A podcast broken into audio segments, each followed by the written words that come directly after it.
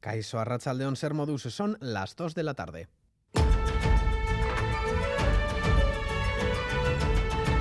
Crónica de Euskadi con Lier Puente. Ucrania ha respondido a los ataques sufridos por el ejército ruso la pasada madrugada que causaron al menos 25 fallecidos. Según la inteligencia británica, el ejército ruso está siendo ineficaz a la hora de identificar sus objetivos y está comenzando a dar prioridad a necesidades militares por encima de los daños colaterales, entre ellos las víctimas civiles. Este sábado por la mañana en Sebastopol, en la península de Crimea, se ha declarado un gran incendio por los impactos de al menos dos aviones no tripulados de Ucrania contra dos depósitos de combustible.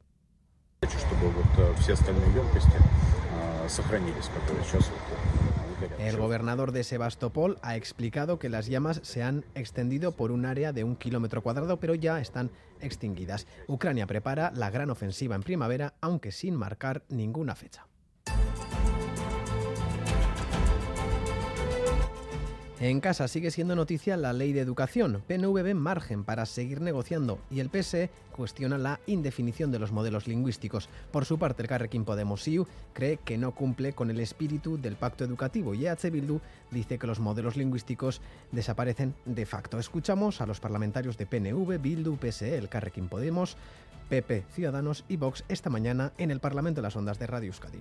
30 años de, la ley eh, actual, que nos ha dado muchísimo, pero eh, también es el momento de, actualizarla, ¿no? Y ahora yo creo que más que poner en solfa este planteamiento, lo que hay que hacer es, eh, si caben matices, a este planteamiento de este nuevo marco. Lo que no compartimos es que se puedan relegar los modelos lingüísticos actuales sin precisar cómo se va a materializar ese marco plurilingüe, trilingüe. Confundir una plaza pública con una plaza sostenida con fondos públicos. El objetivo de esta ley es la imposición del euskera para todos, es la extensión del nacionalismo obligatorio. Es un proyecto de ley que tristemente pone la educación al servicio del nacionalismo. El Parlamento Vasco ha aprobado esta semana el Estatuto de las Personas Consumidoras y Usuarias. La directora de Consumovide, Laura Alzola, destacaba esta mañana en el programa Consumidores de Radio Vitoria y Radio Euskadi la posibilidad de que este organismo pueda obligar a las empresas a devolver a los clientes las cantidades indebidamente cobradas sin tener que recurrir a la vía judicial. Hasta ahora se sancionaba a la empresa pero la devolución del dinero o la indemnización al usuario debía eh, hacerse o pelearse por vía judicial. ¿no? Y al incorporar ahora en la propia sanción eh, esta, esta opción, se facilita el trámite, claro. Por su parte, Sare ha exigido esta mañana en Donostia que finalice toda expresión de excepcionalidad. Considera que se sigue vulnerando los derechos de los presos de ETA. Josep Azcárraga, portavoz. Bai, etxera, porque es esta una reivindicación amparada por la legislación penitenciaria que en ningún caso dice que tengan que cumplir condenas dentro de los muros de la prisión hasta el último día sin acceso a modalidades de cumplimiento en régimen abierto con mayor contacto con la sociedad a la que pertenecen. Es por tanto esta una exigencia democrática y el movimiento contra la incineración de Guipúzcoa ha celebrado esta mañana una marcha desde la Sarteoria hasta la planta de quema de basuras para reclamar que el Consorcio de Residuos de Guipúzcoa y la Diputación Foral de Guipúzcoa paralicen la planta y deje de quemar residuos. José Mari Irazusta, portavoz.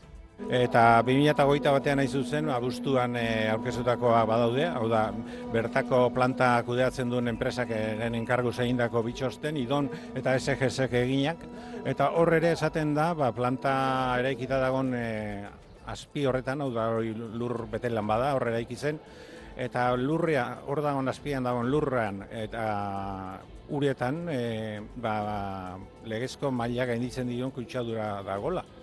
Repasamos también las noticias deportivas con John Zubieta a Rachaldeón. Hola Rachaldeón, empezamos con fútbol, con el encuentro que disputa desde las 12 el vez Gloriosas ante el Valencia, choque vital para avanzar hacia la salvación. Una cerca de Aga, Rachaldeón. A Rachaldeón, eh, John, en efecto, las Diño Juaristi buscan un triunfo que les saque, al menos de forma provisional, de esos puestos de descenso. De momento, minutos de tanteo, aunque acaba de forzar un córner el Alavés gloriosas. Estamos en el minuto 3 con empate a cero en el Antonio Puchades y este 11 por parte del conjunto albiazul. Patricia Larqué en la portería con Carla Morera, Oale, Elba y Camila Saez en la defensa. Centro del campo para Fátima Pinto, Gema, Sara Carrillo y Armengoli en punta la paraguaya Lice Chamorro y Anemiren. Dos cambios con respecto. ¡Ojo! ¡Gol, gol, gol, gol, gol, gol! ¡Gol del Alavés Gloriosas! El saque de esquina muy cerrado al marco valenciano y al final creo que es una jugadora valencianista bajo el larguero la que acaba introduciendo la pelota en el fondo de la portería. Mejor no puede empezar el partido para el conjunto albiazul. Estamos camino del 4 de la primera parte. Se adelanta el equipo de Juaristi. Valencia 0, a la vez Gloriosas 1. Conexión, por tanto, muy oportuna. Asimismo, el Athletic se mide a las 4 al Levante Las Planas con la intención de espantar posibles problemas clasificatorios y, de paso, echar una mano al Alavés Gloriosas. En segunda, el Alavés tiene como objetivo imponerse esta tarde en Valencia al Levante para fortalecer su segunda plaza y quién sabe si hasta lograr el liderato en función de lo que hagan Granada y Eibar que juegan mañana.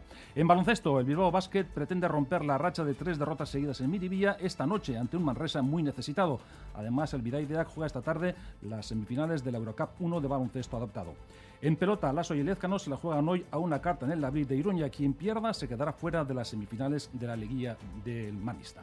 En golf, John Ram se sitúa a seis golpes del líder de abierto de México. Y por último, Zuazo Baracaldo y Betionac inician esta tarde la fase de permanencia liguera de balonmano. Es que ricasco John, ya habrán notado el descenso notable de las temperaturas. Conozcamos la previsión meteorológica de Euskalmet con Jayone Munarriz, Arrachaldeón. Caixo Arrachaldeón, lo más destacable para hoy está siendo el descenso de las temperaturas máximas eh, con valores que se van a quedar por debajo de los 20 grados en general, excepto en el centro y sur de Navarra, donde seguirá predominando el ambiente bastante soleado con máximas cercanas a los 25 grados.